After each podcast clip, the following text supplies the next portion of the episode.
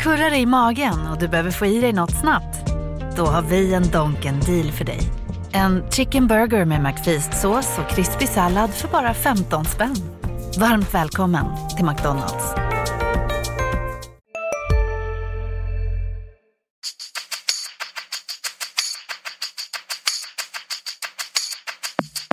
Skönt att komma ut och eh, bara lukta gräset. Så det, är, det är fotboll för mig. Nu är jag här och jag är väldigt glad att eh, kunna spela för det laget som jag har närmast om hjärtat. Om att skapa tro, om att tro på det vi gör, jobba vidare och vi ska vara ute där och ska vi leverera. Och det ska vi ju. Basta.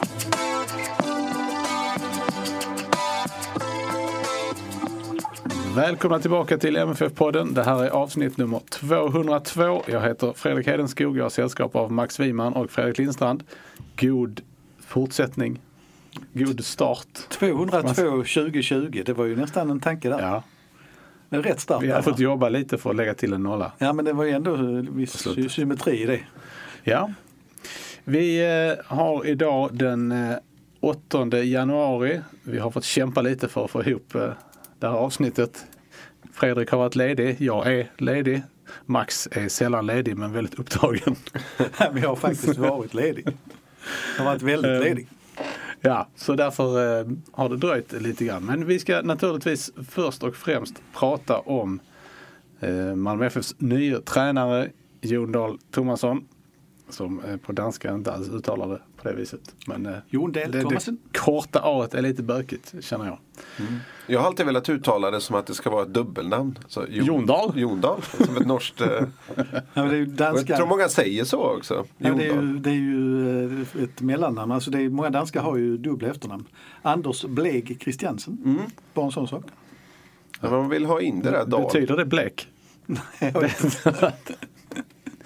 Dassigt mellannamn kan man tycka. Man hade hellre hetat Färgstark. Så är det. Ehm, ja, ehm, Inte i Danmark kanske. Ble, bleg är dessutom riktigt skånska för blek. Alltså verkligen där. Är du bleg idag? ehm, vi, vi återgår till väsentligheterna. Eh, Jon Dahl Tomasson. Tomasson. Tomasson. Vad, ehm, vad tror ni om detta? Eh, Vi tror inte vi vet. Nej. Ja, nej, det är oerhört svårt att, att säga. Jag tycker, det var jättesvårt. jag tycker Ja. det, den spontana reaktionen är ju att oj, det här var spännande. Kul namn.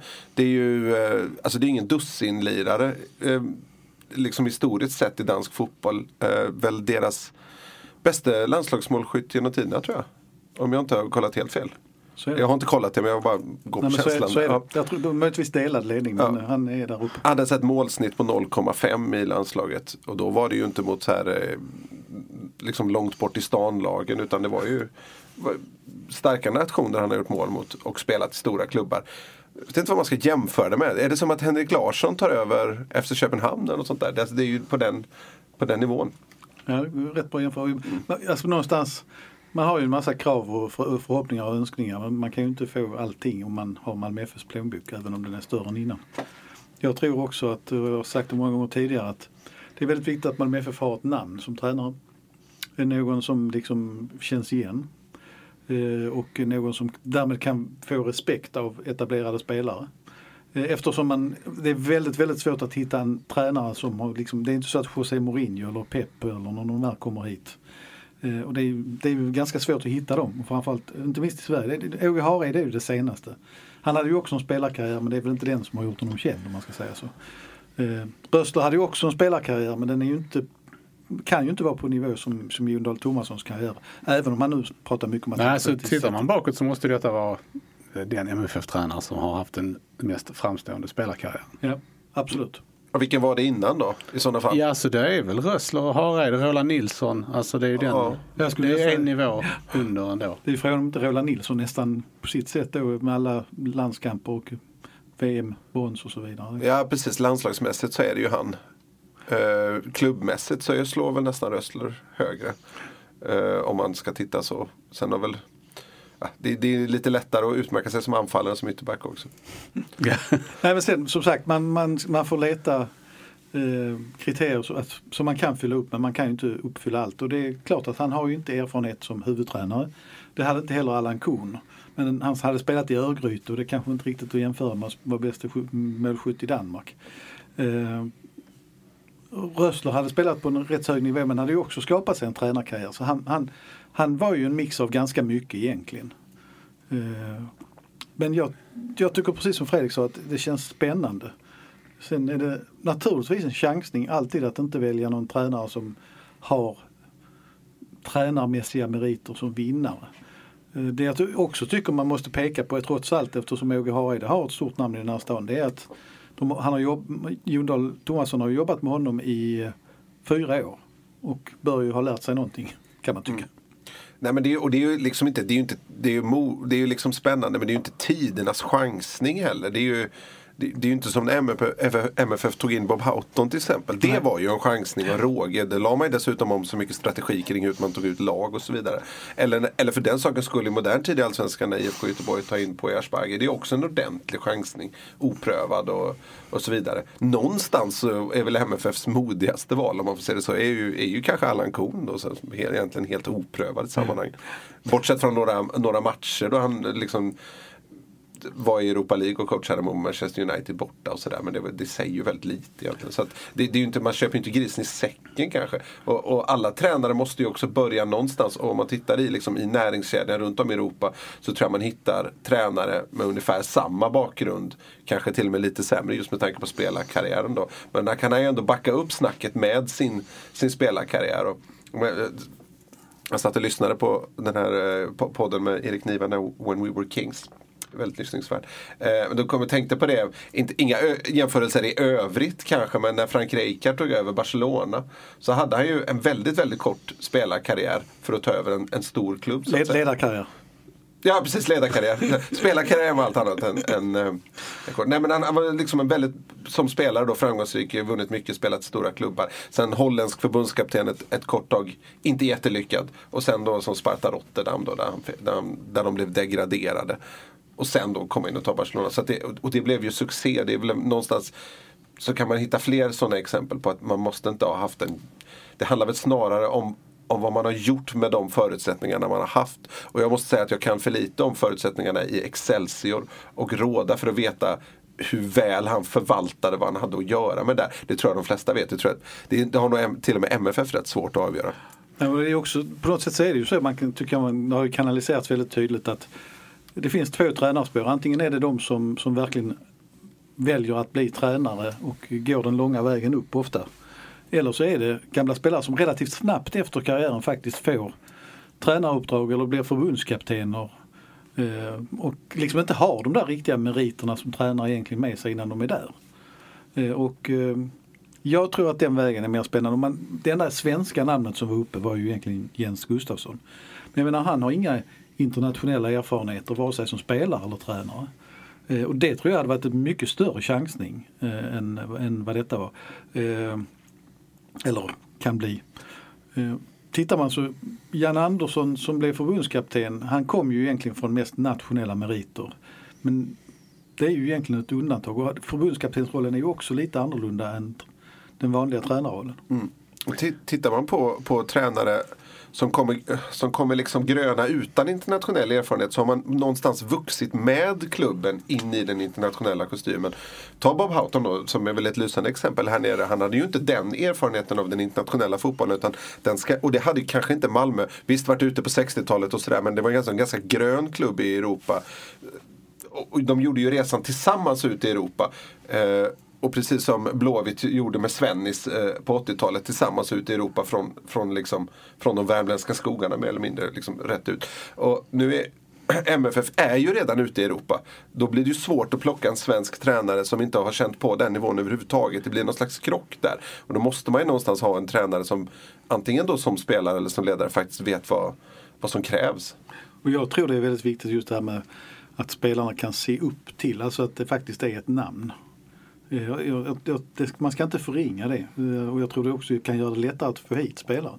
Därför att, eh, och där skillnaden mot Ove Rössler är väl, oavsett vad nu Daniel Andersson sa när han presenterades, att eh, Jon Dahl Tomasson är ändå nästan tio år yngre. eh, och mer känd för fler människor kanske än vad Ove Rössler var då. Sen lärde vi känna mycket mer om honom och hans karriär när han väl kom hit. Han är, Jon Dahl är ju av den mycket fina årgången 1976. Så att det, ja, Ja. det bådar ju gott. Eh, Men jag tänkte höra, vad, vad tror ni, vad var det MFF föll för här? Nej, jag tror internationell erfarenhet eh, eh, också det faktum att det är inte bara att eh, Åge Hareide känner honom. Eh, ben Rosen har ju jobbat med honom i danska landslaget. Jens Fjällström har gjort det som viss del som, som scout. Och jag tror någonstans också att lärdomen av Allan Kuhn och Magnus Persson, de är lite olika men ändå lika. Eh, man kan inte välja en tränare som inte har varit på den här nivån som vi pratade om innan. Alltså en gammal assisterande tränare som plötsligt ska, ska ta rodret. Och man kan inte välja en eh, för teoretisk taktisk tränare som förvisso själv har spelat men kanske inte har haft den största karriären. Eh, alltså Plus någonstans tror jag man ska lägga till det här med att det inte är oväsentligt. Jon Dahl Tomasson bor ju fortfarande i Holland faktiskt. Och är väldigt influerad av holländsk fotboll. Och Malmö har ju av tradition sökt internationella influenser. I hur långt tidsperspektiv ska man, ska man se den här um, tränarvärvningen? Är alla några månader. Nej, men det, jag, jag har svårt att se, se den över två, tre år. Och det är väl min invändning egentligen mot, mot det hela är ju att eh, nu är, det här är ju återigen en tränare som vill uppåt och, och utåt. Jag vet, vet inte hur det långsiktiga tänket, att, att det, liksom, det här talangförädlar eh, biten kommer in med Jon Dahl Tomasson. Då, hur han tänker kring det och hur villig han är att ge liksom, talanger chansen och så vidare. Men sen finns det ju också, han kommer ju få team runt sig och man kan ju gissa att, eh, att MFF då, det, det pratas ju om, om Jeffrey Aubin som en av de här assisterande tränare. Det är ju inte helt omöjligt att Jens Fjällström kommer tillbaka på en punkt, om vi bara får liksom spekulera fritt med tanke på att Jens Fjällström har ju också samarbetat med Jon Dahl Tomasson i, i Danmark när Fjällström var scout där under, under VM. Under kvalet var det väl, när han var scout. Jag kommer inte ihåg när han var scout, men det var inte så länge sedan. Eh, alltså, det, det, väl- det väl möjligtvis att de assisterande då för, för den liksom den röda tråden till ungdomssektionen där så som Georgsson gjorde. Men kanske inte fick så mycket gehör för på, på slutet med Rössle. Jeffrey Aubin är ju ett namn som, som eh, har nämnts lite här och där och som jag tycker känns väldigt nära med tanke på att han har eh, Eh, avancerat rätt ordentligt i hierarkin där i ungdomssidan och faktiskt var påtänkt som huvudtränare för Örgryte i höstas. Eh, så jag tycker det är ett ganska spännande namn. Vad det gäller Jon Dahl Tomasson själv och talangutveckling så eh, på den här presskonferensen så stannade han kvar och det blev ju att han fick göra rätt många små e- intervjuer eftersom det var väldigt mycket dansk media också där. Och de pratade ju mest om landslaget men de pratade också om Malmö FF och han betonade väldigt, väldigt många gånger faktiskt att ja visst utveckling är viktigt men det viktigaste är att vinna matcher. Så jag tror inte någon ska, och han sa till och med vid något tillfälle, jag kommer inte att skicka ut 11 ungdomar på planen. Så att jag tror inte att den delen, alltså MFF har inte råd att, att gå för långt i den. Sen, sen eh, gick det naturligtvis kanske för långt på andra hållet i något avseende eh, den senaste tiden. Det kan, kan ju bli så att MFFs strategi ah, det är, svår, det är så himla svårt att säga men det kan ju också bli att man köper tonåringar. Det kan ju det som att man går mer åt det hållet så att säga. Men det finns ju en signal ska man säga redan nu att Adin Alic är tillbaka. Där var Daniel Andersson mycket bestämd. Och Anel Ahmed Hodzic som då gör landslagsdebut på torsdagen. Eh, eh, valde ju också att komma hem eh, efter diskussioner och fick, visste väl, antar att han hade väl fått hinta om vad det skulle bli för tränare då också. Eh, nej, det här tidsperspektivet är ju intressant just i förhållande till det här med att bygga spel och eh, plocka fram mer, fler ungdomar. Eh, man tänker ju å andra sidan då att skulle, skulle MFF missa guld 2020 också så är det tre år i rad. Det är första gången sedan 2007 i så fall. Um, och eh, då, så, så man förstår ju att, att det finns ett rimligen ett ganska tydligt resultatkrav här också. Mm. Jo men så är det ju. Det, eh, jag tror han är väldigt van att leva med det. Eh, både som spelare och ledare. Eh, så det, är så väldigt svårt att spekulera. Vi, vi, vi har ju pratat mycket om, och jag har tänkt, man har sagt att kontinuitet är så viktigt. Men Eh, Egentligen så har ju Malmö under det 10-talet visat att det är inte så viktigt för man har vunnit guld ändå med massa olika människor i olika stilar och allt möjligt. Ja. Så det, det, det är så svårt att se in i framtiden. Det man gjorde nu igen var ju faktiskt att man gick tillbaka till ett, ett tills vidare avtal. Det är alltså inte bestämt. Så därför är framtiden väldigt oviss. Det är inte så att han har två eller tre års kontrakt. Rössler hade ju två och ett halvt år. Precis. Efter, efter den Rösslersparken och sen eh, dubbla sign-on till Anders Christiansen så är det väl lika bra att ha ett sånt tills vidare kontrakt. Man har inte råd med mer. Nej, men det, eh, jag säga, eh, vad gäller eh, Rössler och hans eh, historia så fanns det ju kanske anledning att inte ha en tills vidare anställning. Även om man kan tycka att tidslängden kanske var väl tilltagen. Ehm, Det är lite intressant, jag satt och kikade där på, på lite, apropå danskar. Eh, norrmän känns det som varit ganska många norska tränare i, i Allsvenskan. Men, men danskar har inte varit så jättemånga. Och men ganska många av dem har varit i Skåne. Vilket kanske är rimligt. Jag, jag, jag, har du namnen där eller? Jag, de jag kunde hitta skrev jag ner. För jag tror det är fem stycken. Jag, jag har fått fram några fler. vi hade, Eh, får, vi, får vi försöka gissa här? ja, kör på. Nej, vi hade Viggo Jensen i MFF. Det Ja, ju och du har ju Allan Kuhn i Malmö och Ja. du har eh, Ole Mörk i Trelleborg. Mörk i Trelleborg. Ja, Torben Storm i Landskrona. Ja. ja, Och sen har du en till då alltså? ja jag har tre Två till. Tre till i herrallsvenskan. Ja, Ja. och jag bara Jag, jag bak. tror det var de här som vår kära gamla kollega Håkan Malmström hade plockat fram också. Eh, för han har ju följt mycket med dansk fotboll. Ja, han, HF har haft någon dans. han hittade en gemensam nämnare med alla. Alla danskarna har fått sparken. Ja, precis. Men det, det, det har jag rätt jag vet i inte om det är så med de sista du hade där också. Ole Mörk sparkad 2001 till TFF. Torben Storm då sparkad 94 i Landskrona Boys efter en av deras sämsta allsvenska säsonger någonsin. Allan Kuhn, enda utav dem som har faktiskt vunnit guld, enda danske, eh, sparkad ändå. det är tufft. Eh, Viggo Jensen då, sparkad 93, var MF, kom till MFF 92. Jakob Mikkelsen i Hammarby. Just det. Blev eh, ettårig där. Just det. Sen så Håkan- blev han sparkad. Just det, Håkan hade med honom också, det är rätt. Sen har vi Allan Hebo Larsen som tog över Kalmar FF 1984. Förde de visserligen till en andra plats 85 men sen åkte de ur 86. Sen lyckades inte hitta om han blev sparkad efter det men, eller om hans kontrakt gick ut men vi kan väl gissa att vi säger att han blev sparkad. Och sen eh, Finn Willy Storm, Landskrona Boys på 70-talet. Den har vi aldrig hört talas om Nej. ska jag säga. Då gick jag ändå på fotboll. 1977 och 1978 tränade laget och kom de femma och tia. Det får väl vara ljummet. Han fick i alla fall inte sparken tror jag. Men det har inte gått så bra. Nej. Det var ju, eh, men det kanske tiden kanske är mogen. Det var, vi har ju pratat om detta tidigare. Det var ju under väldigt många år så eh, gick det ju inget vidare för danska spelare heller i Allsvenskan. Men man, det man också ska säga, för det är ju inte eh, jag säga, det är inte bara danska polisen detta gäller utan eh, alltså ledarskap i Danmark är ju generellt tuffare än i Sverige. Under Viggo Jensen fick spelarna inte dricka kaffe. Det var en, en av de springande punkterna, det vet jag. Men, nej, men man ska inte skoja bort det, men det, det, det är en lite annan ledarstil. Även om Danmark ofta visar öppenhet till exempel runt landslag och sånt och även mot FC Köpenhamn så, så är liksom själva jobbet på planen och runt laget är ganska tufft. Eh, och eh, jag tror att Malmö FF behöver det. Men det är möjligt också att man kanske växlar ner ett snäpp från Ove Rösslers. Eh, alltså det gäller ju att hitta en balans någonstans, någonting som funkar. eh, Rakt igenom. Ska man prata historiskt så Antonio Duran som var mycket framgångsrik i Malmö FF var ju otroligt tuff. Eh, Det har ju många spelare vittnat om. Eh, Så att eh, det är ju ingen, det är inget ovanligt med lite fre- tuffare ledare och det är oftast de som gör framgång. Eh, Han är ju inte eh, jättegammal. Han är ju, jag ändrar mig och säger han är oerhört ung. Du dissade dig själv där lite. Men eh, alltså det, det ju, har ju varit ett eh, relativt framgångsrikt arbetssätt för Malmö FF historiskt. Ja. Med unga tränare.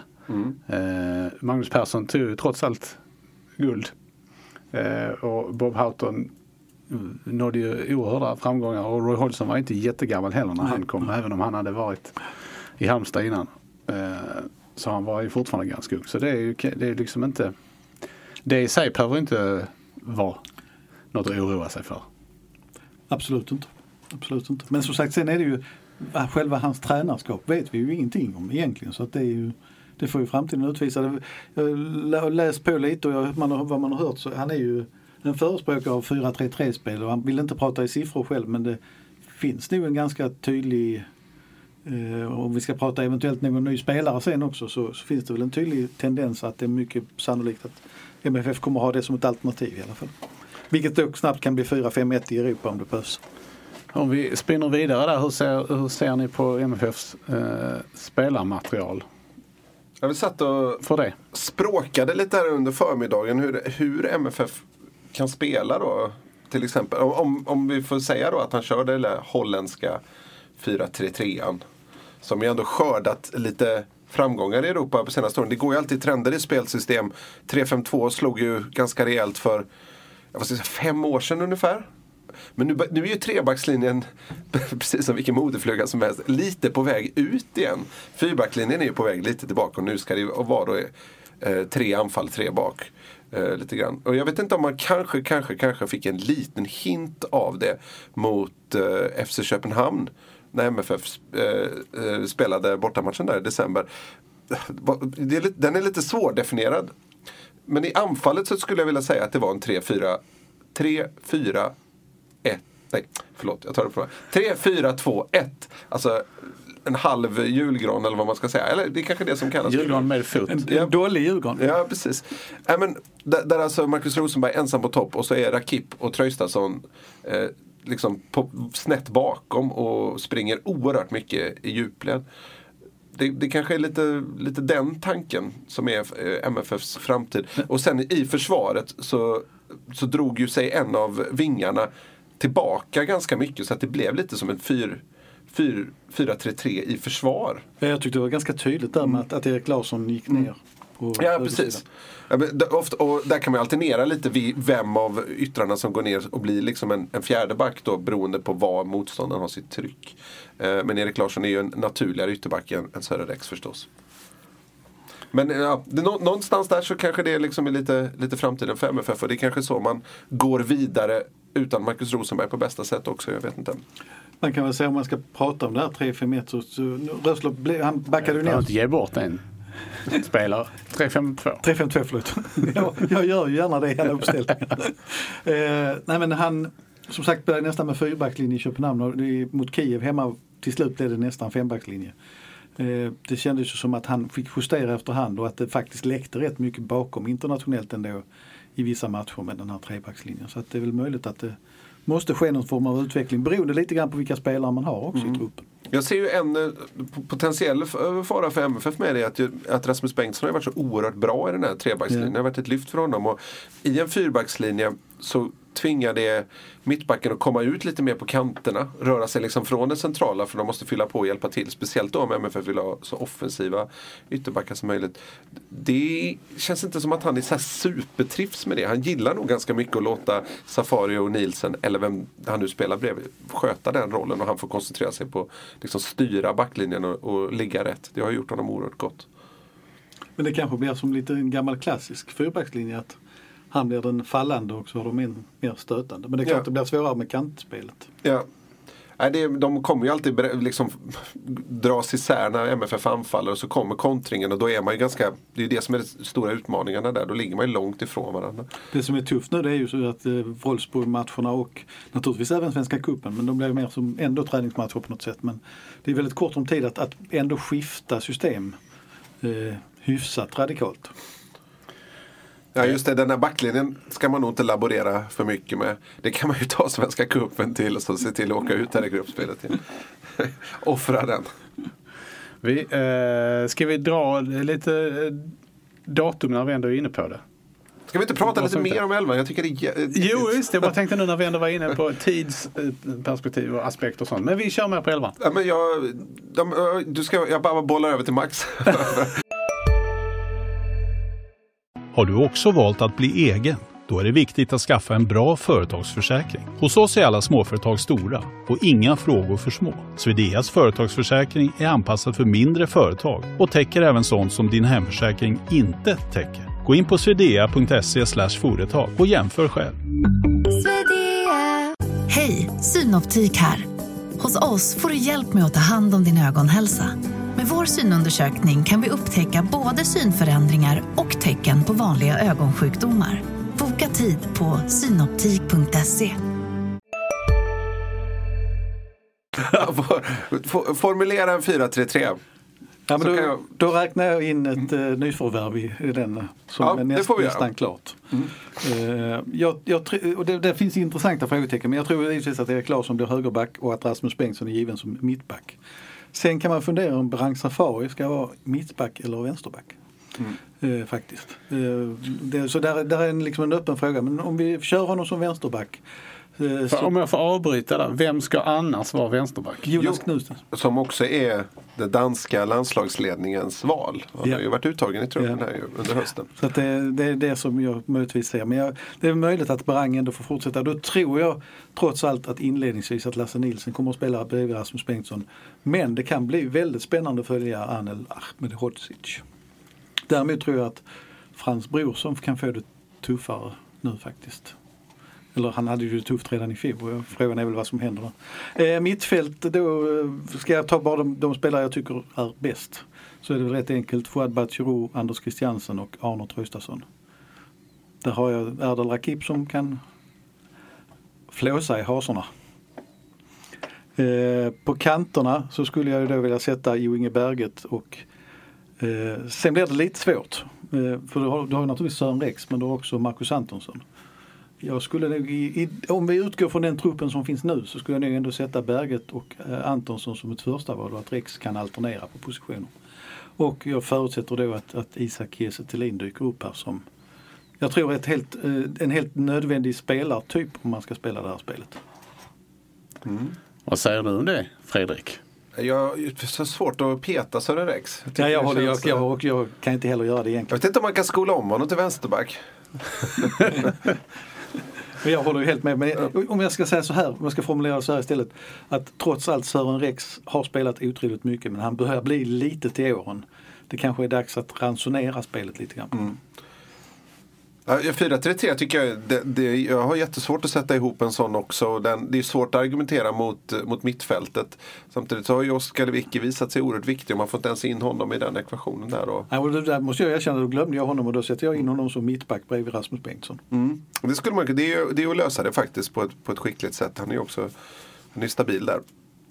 Eh, MFF har väl kanske inte den snabbaste centrala backlinjen då i, i serien. Men, eh, ja, Nej, ja, det, är, det är oerhört svårt.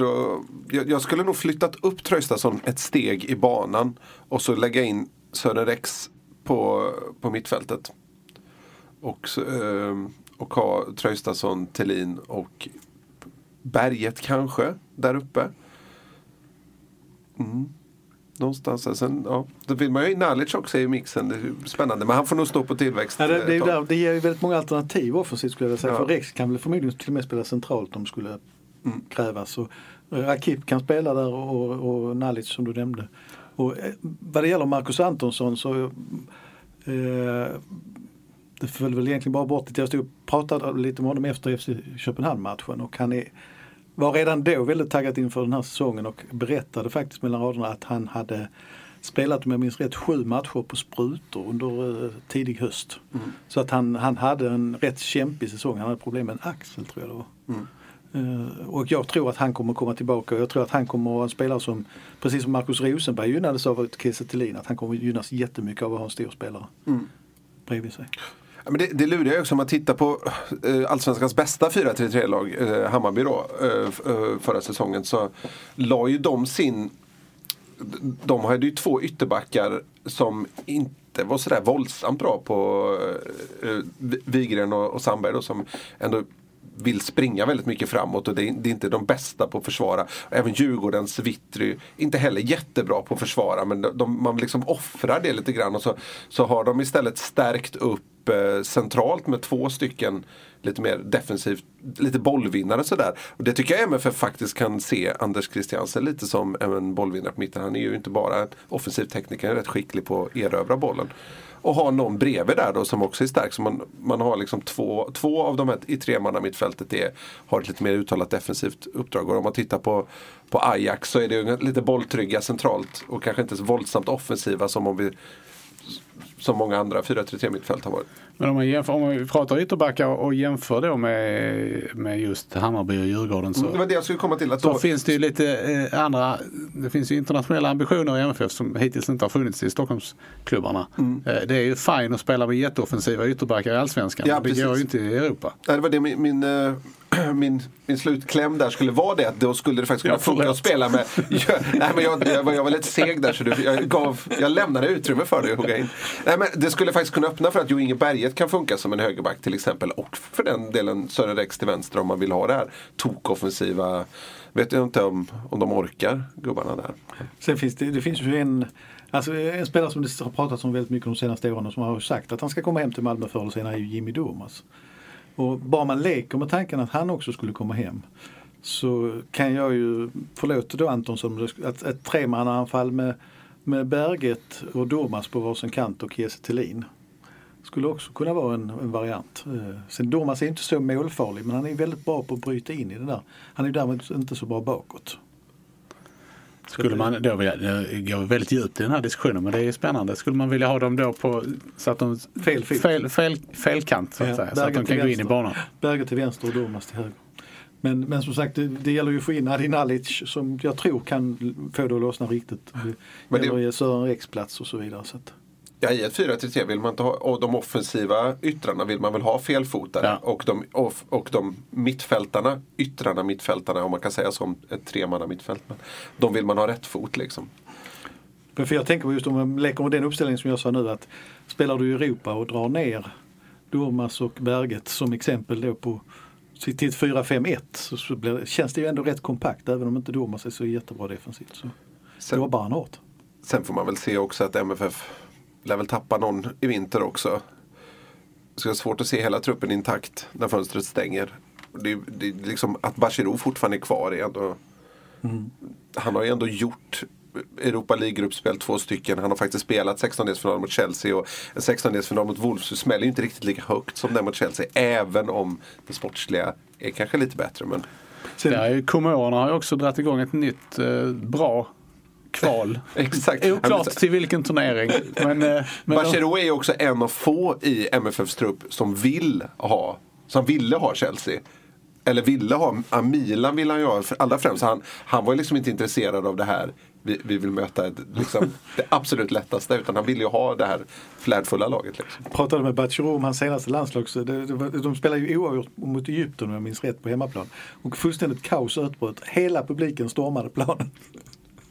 Och det pratar vi 12 000 åskådare på en arena som rymmer 4 000 enligt hans egna berättelser. det är, En speciell landslagstillvaro. ja, det måste man säga. Precis. Lite, Det, det är annat än sån här eh, medietid, eh, fem minuter i något, i någon liksom katakomb på Friends Arena. Ja, liksom. Jag tror också att någon spelare säkert eh, kan försvinna i vinter. Daniel Andersson verkar ändå rätt så lugn och trygg i det. Och, Vi kommer tillbaka till det när vi ska prata datum som du var inne på Fredrik. Men det, det finns en poäng i att med tanke på Europaspelet att Malmö kanske inte släpper så många spelare denna vintern. Utan kommer att hålla emot rätt hårt. men hur många är nog länge, sugna på den här nystarten. Galt kanske vill ge det ett halvår till och se hur det går med Jondal. Det kan ju hända att det... det, var ju samma, det var ju samma resonemang förra året. Hur länge kan MFF hålla emot? På det viset. Jag tror att de kan, eh, alltså med ett sommarfönster som ändå finns, finns framför spelarna, marknaden en- egentligen är större. Så tror jag nog att de i ganska många fall kan hålla emot. Eh, eh, men det, alltså skulle sån som Bachirou få ett erbjudande som, som verkligen lockar så kanske det är svårt. Man lyckades ju hålla emot USA i fjol. där. Och, ja. det, det initialt kommer ju också ganska många få speltid. Dels är det träningsmatcher. Eh, där brukar det luftas rätt friskt. Och sen är det ju faktiskt Svenska Kuppen omlott eh, Europamatcherna. Så där kommer ju MFF behöva rotera. Så att det, alla kommer ju få tävlingsmatcher. Inte alla, men många. Um, ska, vi, ska vi dra datumen nu? Känner vi oss färdiga med 433 för tillfället? Ja, vi lär väl återvända. Jag ber om ursäkt det för att jag glömde Oskar Lewicki där innan. Det var inte bra. Men eh, mittback. eh, Alltså det finns ju bara 11 platser. Ja. Ja, nej, men det, Men jag, det är därför, förbiseende på honom. Men det är av just att det är sån tyngd på de platserna runt centrala och halvcentrala platser offensivt som 3-4-3 hade passat MFF rätt bra. För då får man in det där lilla wingiga i, i ekvationen så att säga. Wingiga. Ja, det, den, den ja. moderna fotbollen eh, tvingar fram mycket bisarra språklösningar. eh, nu sitter Max här med kalender. Ja, och li lite där och lite i huvudet så ska vi se om vi klarar det. Eh, vi kan börja, på fredag den 10 januari så börjar Jon Dahl Tomasson sin anställning. Eh, jag har inte fått bekräftat men jag misstänker att det kan tänkas dyka upp en del fystester i helgen då där. Eh, men den första träningen är då som ni kanske har noterat på måndag. Och det blev lite symboliskt då, 13 januari, exakt en månad efter Braget i parken när Malmö vann över FCK. Eh, och eh, det är ju en sån där traditionsenlig upptakt där det kommer samlas mycket folk och eh, hej och hå. Och de, de träningarna har ju varit lite lekfulla. Det kommer nog bli mer allvar denna gången eh, för jag tror att Jon Dahl Tomasson känner sig rätt stressad av eh, att, att det så snart är Europaspel. Eh, vilket innebär att man kommer ju då att ha en, ett gemen, en gemensam kväll med det nystartade damlaget men man kommer inte att, som många ville, träna samtidigt på en halv plan var utan eh, 18 och 15 tror jag det är så kommer herrlaget att dyka upp och de kommer att presenteras och sen tränar de och sen kommer damlaget och de kommer att presenteras. De har fått sina tröjnummer nu har MFF lagt ut. Eh, och, eh, och sen kommer de att träna så att det kommer att bli en hel kväll på stadion eller på Gamla idrottsplatsen som om inget oförutsett inträffar eh, Sydsvenskan väl enligt traditionen kommer att tv-sända vad jag förstår. Eh, så det är vad som händer där. Sen drar träningen igång. Och vi har inte fått några träningsmatcher nu. Daniel Andersson sa så sent som igår att det inte var riktigt klart än. Men om vi hoppar framåt så åker MFF på träningsläger den 27 januari till Marbella och eh, spelar troligtvis två, eller spelar två matcher. Om jag minns rätt onsdag, lördag. Eller lördag, onsdag. Lördag, onsdag måste det bli. och åker hem den 7 februari igen. Men då är det så att ett par viktiga datum inträffar under lägret. de flesta transferfönster stänger den 31 januari eller runt omkring ut. Inte det svenska. Vad sa vi nu Fredrik? Det öppnar den 12 januari till 4 april. Så det är ju öppet länge att ta hit spelare. Men eh, det kan, alltså det stängs många fönster på andra hållet. Och den 2 januari 24.00 är ett väldigt viktigt klockslag. För fram till dess kan MFF komplettera sin Europa League-trupp med tre spelare, inte fler. Eh, och eh, det det kan ju vara liksom mycket att tänka på där. Det gäller att registrera rätt tre spelare helt enkelt. Om man nu får in flera. Alltså, vi ska komma ihåg att Anel Ahmedhodzic och Adin Alic inte är registrerade. Eh, så att det, där, där gäller det att tänka till så att det blir rätt. Eh, och eh, det finns, vi behöver inte vindla in oss i det, men Anel kan vara så ung och räknas som egenproducerad så att han kan skrivas in ändå faktiskt. Ja, det är väl mer tveksamt. Och det är också så att truppen får bara vara av 25 spelare med A-anmälan så att säga. Så att, men då tror jag inte Malmö är i riskzonen där men de stora klubbarna brukar få plocka bort spelare. Eh, det var det om det. Eh, sen kommer Malmö hem och den eh, har ju flyttat en cupmatch och spelar redan den, försöker titta här, den 15 februari mot Syrianska i cupen. Har sedan ingen match eh, helgen därpå därför att den 20 är man ju nere i Wolfsburg och spelar och den 27 spelar man hemma. Och sen ligger cupmatch borta mot Karlskrona den 1 mars och hemma mot Eskilstuna den 8 mars. Eh, man kan väl också säga det, det har vi pratat väl om senast kanske, men att MFF har ju fått oerhört många biljetter till eh, Wolfsburg-matchen, över 4000 där nere. Många har bokat resor redan men biljetterna är inte ens släppta. Nej. Det tar typ sju timmar att köra ner där så det är rätt, relativt enkelt att ta sig dit. Det är nog de datum som vi exakt vet. Sen är det ju allsvensk premiär runt första april. Jag har inte Nej, de hade inte lagt in. Det finns 6, inget... 6 april är ja. första Norrköping borta. Och MFF har ju en väldigt, väldigt tuff start på allsvenskan. Man möter alltså alla Stockholmslagen borta eh, under våren. Och dessutom Hammarby hemma för den matchen är flyttad på grund av Europaspel. Precis. Nej men så det är, det är liksom eh, 16-delsfinal, respass, sen ut i Svenska cupens gruppspel som vanligt och sen då den här starten på Allsvenskan som Magnus Persson startade. Så i Jon Dahl kan man ju förmodligen kunna åka med Danmark till, till EM. Trots allt. Ja, man kan ju säga, alltså, om vi vänder på steken då, det brukar ju vara jag som är den där negativa. eh, om MFF skulle slå ut Wolfsburg så blir det ju liksom nästan direkt två nya matcher i Europa. Och vinner man, går man vidare från cupgruppen, vilket man då inte gjorde i fjol, så fortsätter det också direkt. Så att då kan mars bli otroligt intensiv. För där är dessutom ett landslagsuppehåll mitt i allt det. Ja just det. det, det, det, Det, sen, det, ja, det dummaste landslagsuppehåll som finns. nej, det det ligger alltid och stör precis innan Allsvenskan ska börja där. Och så väldigt intensiv vår då med tanke på att det är ett mästerskapssommar. Ja, det blir något att bita i. Ja, det blir, häf- blir en häftig säsong. Ja. Ja, det blir ju rivstart kan vi ju konstatera. Det. Innan MFF åker till på läger så kommer de ju säkert att spela en eller två träningsmatcher här hemma. En kan det väl nästan bara bli va? Mot mellanbra danskt motstånd. Typ. Eller IFK Malmö. Det är de alternativen som verkar finnas nu för tiden. Jag tänkte vi skulle prata lite mer om eh, Isak Kiese Thelin. Vi har ju varit inne på det här men, men allt tyder ju på att eh, han lånas ut från Anderlecht till Malmö FF. Och um, då är det ju, uh, om man pratar person för person så är det ju han som då ska ersätta Markus Rosenberg. Hur, Max du sa att uh, du ansåg att den, att den spelartypen var nödvändig om man nu ska spela 4-3-3. Kan du fortsätta på det spåret? Nej, men egentligen var det ju en spelartyp som jag tycker Malmö har saknat under längre tid som ett alternativ. Att, att ha en stor... Sen han var här senast. Typ. eh, nej, men att ha en stor stark spelare som kan ta emot boll och som är stark i luften. Marcus Rosenberg har gjort väldigt mycket av det jobbet och har gjort det väldigt bra men han har ju inte varit urtypen för den, den spelstilen. Utan eh, en, en murbräcka som kanske inte gör så oerhört mycket mål själv men banar väg för andra. Är ju, sen var Is- Isak Kiese står idag det är ju svårt att säga.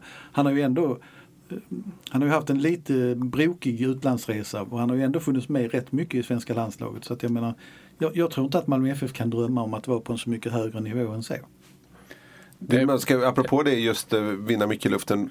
Vi har ju målen och assisten som Rosenberg gör. Men om man går till och tittar på MFFs defensiva fasta eh, hörnor framförallt. Hur många utav dem som Marcus Rosenberg nickar bort. Det, det är otroligt många. Ja, det, de, den defensiva biten ska man nog inte förringa faktiskt. Den, den måste MFF ersätta. Det är svårt att se någon av de andra anfallarna ta det nickansvaret liksom. Eh, om man tittar på eh, Thelin som han var i MFF förra gången och, och jämför med det man har sett då företrädesvis i landslaget. Hur tycker du Fredrik, har han har det, vad har hänt med honom som spelare? Ja, det är oerhört svårt. Jag kan inte säga att jag, jag följer inte den belgiska ligan mer än till resultat. Nej. Så det är svårt att se. Nej, det är därför jag, Ja, jag försökte peta in landslaget. Ja, men han har inte, det har liksom inte varit så vansinnigt mycket landslagsmatcher heller egentligen. Men ofta varit inhopp och sådär. Vad ska man säga att han har blivit bättre på? De flesta som har varit utomlands brukar vittna om hur oerhört mycket bättre passningstempo man får i sig. Och han har ju förmodligen ett högre internationellt tempo i sig rent generellt. Skulle man kunna tänka sig. Sen är det ju intressant att se, och det, har- det har ju så också svårt att få ett bevis på. Har han blivit en bättre målskytt? Kan han ösa in mål? Kan han göra 15 mål på en allsvensk säsong för Malmö FF? Det är ju, det är ju den typen av, av frågor man vill ha svar på. För eh, det, det är möjligt att det kommer krävas av honom om MFF ska vinna guld. För om nu MFF inte blir bättre på att sprida ut målskyttet i laget. Det var man rätt kass på förra säsongen. Det känns Var ju inget svar du- på frågan, men Nej, det var- men jag är inne på det. Där finns det ju utrymme för förbättring på ganska många fötter och skallar. Mm. Känns det som. Jag vet inte hur mycket man kan jämföra heller. Sen han gjorde inte så många mål men eh, när Emir Kujovic kom in i Djurgården så visst rörde det om lite grann. Men den ty- spel, typen av spelare. Eh, det tror jag inte är oväsentligt. Man ska också komma ihåg att, att Isak Kiese Thelin bara är 27 år gammal och liksom kan fortfarande ha sin bästa ålder framför sig. Det är inte en gammal föredetting som, som i så fall då kommer hem om vi nu förutsätter att allting stämmer med uppgifter från Belgien och så vidare. Eh, utan han, han kan ju fortfarande vara hungrig och säkerligen kanske vill ut i Europa igen. Mm. Är, um, är det vad MFF behöver? Eller behöver det fyllas på mer? Nej, alltså, om Kestelin kommer in så har de ju en trupp som absolut kan vinna SM-guld. Om den kan gå vidare mot Wolfsburg hänger kanske inte så mycket på en värvning eller inte egentligen. Men den, absolut borde den truppen kunna lösa det. det, det den kunde den löst ett SM-guld förra säsongen också. Det hade man Ja, det, jag tror liksom inte... Fast då var ju Marcus Rosenberg med. Då var han med. Nej men alltså rent truppmässigt, det var mer kanske taktiska dispositioner och startelvsval och så vidare som, som, och straffmissar etc. etc. som, för, som fällde avgörandet där. Alltså ingen kan ju ersätta de egenskaperna som Rosenberg hade totalt sett hur man än gör. Utan MFF får ju leta sig fram till lösningar. Och det, alltså det finns ju inte ekonomi att ta hit någon som, som på hans nivå så är det ju bara. Nej. Jag hyser väl ganska stora förhoppningar till, till att Antonsson då skulle kunna eh, Jag tycker att han har mycket av kvaliteterna. Och att han hade en kämpig period. Men får han en, en annan typ av anfallare bredvid sig och får vara hel och frisk och är riktigt sugen från start med en ny tränare så, så, så kan han ge många svar kanske. Mm. Men det är det som är MFFs eh, stora utmaning. Alltså, och man har ju väldigt goda förutsättningar då. Dels plånboken och en bra, redan bra spelartrupp. Men man har framförallt ett, ett äh, defensivt spel som sitter. Äh, Jon Dahl behöver inte komma in som ny tränare och, och börja bygga bakifrån på ett liksom överdrivet noggrant sätt. Alltså noggrant förstås, men han kan ju börja utveckla det offensiva spelet nästan omedelbart. Och det är ju det som MFF behöver utveckla. Eh, vilket vi såg i Allsvenskan också. Man gjorde väl inte lite mål, men man borde gjort fler. Det var väldigt mycket uddamålssegrar. Man kan hitta sätt att bättre döda matcher på och så vidare. Så det, det är väl framförallt det. Hur gör man det då? Utan att eh, rota för mycket i defensiven? Det är det som är det svåra. Och det, det, det är väl kanske framför det, just den biten tror jag inte blir svårare. Utan det svåra är hur gör man det när spelschemat är så tätt och matcherna är så viktiga. Det är svårt, fortfarande svårt att se MFF gå ut och spela 4-3-3 mot Wolfsburg i februari. Ja, det känns, det känns tufft. Ja, om det nu blir så. Det är ju ingen som har sagt att det blir så, men det är ju... Sen, sen, ska man ju inte glömma att det som är, är, lite nytt denna gången då, jag försöker tänka tillbaka när, när det hände senast. Eh, det är naturligtvis när Magnus Persson kom då, ja, det är ju ett tag sedan. Det är ju att man går in i en ny säsong med en ny tränare och det brukar ju vara i sig själv en motivationskick kanske för många spelare. Det är många som kommer att vilja visa upp sig och vilja vara med. Vi får se hur det går. Ja. Uh... Jag försöker tänka tillbaka, visst var det så att var det Magnus Persson-året de inte spelade i kuppen? Var det Allan Kuhn som åkte ut mot Landskrona Boys? Ja, ja det var det. Så att den, den vintern när Magnus Persson kom var ju ganska konstig egentligen. Det blev en mm. väldigt lång försäsong. Det fanns inte den rivstarten, eh, kicken som det, som, som det blir denna gången. Väldigt skönt ändå att vi eh, generellt har kommit bort från den långa försäsongen. Absolut. Men man kan jämföra... Sen får man skylla sig själv om man åker ur kuppen innan gruppspelet. men man kan jämföra bakåt däremot när Åge Hareide kom. Vilket lyft det liksom blev direkt eh, där med en ny röst och en ny, ny, nytt sätt att, att, att jobba med laget. Då säger vi så för den här gången. Vi återkommer, eh, jag gissar någon gång i nästa vecka. Förhoppningsvis. Förhoppningsvis. Har vi riktigt tur så har vi en gäst. Så kan det vara. Men det ligger inte riktigt hos oss. Nej, vi håller det lite grann nu.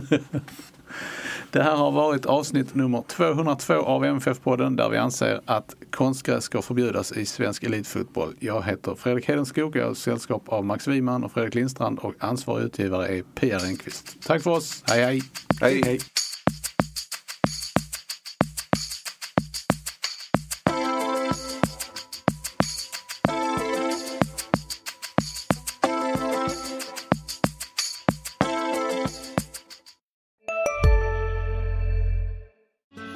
Susanne Axel här. När du gör som jag och listar dig på en av Krys vårdcentraler får du en fast läkarkontakt som kan din sjukdomshistoria. Du får träffa erfarna specialister, tillgång till lättakuten och så kan du chatta med vårdpersonalen. Så gör ditt viktigaste val idag, lista dig hos Kry. En nyhet. Nu kan du teckna livförsäkring hos Trygg-Hansa. Den ger dina nära ersättning som kan användas på det sätt som hjälper bäst. En försäkring för dig och till de som älskar dig. Läs mer och teckna på trygghansa.se. Trygg Hansa. Trygghet för livet.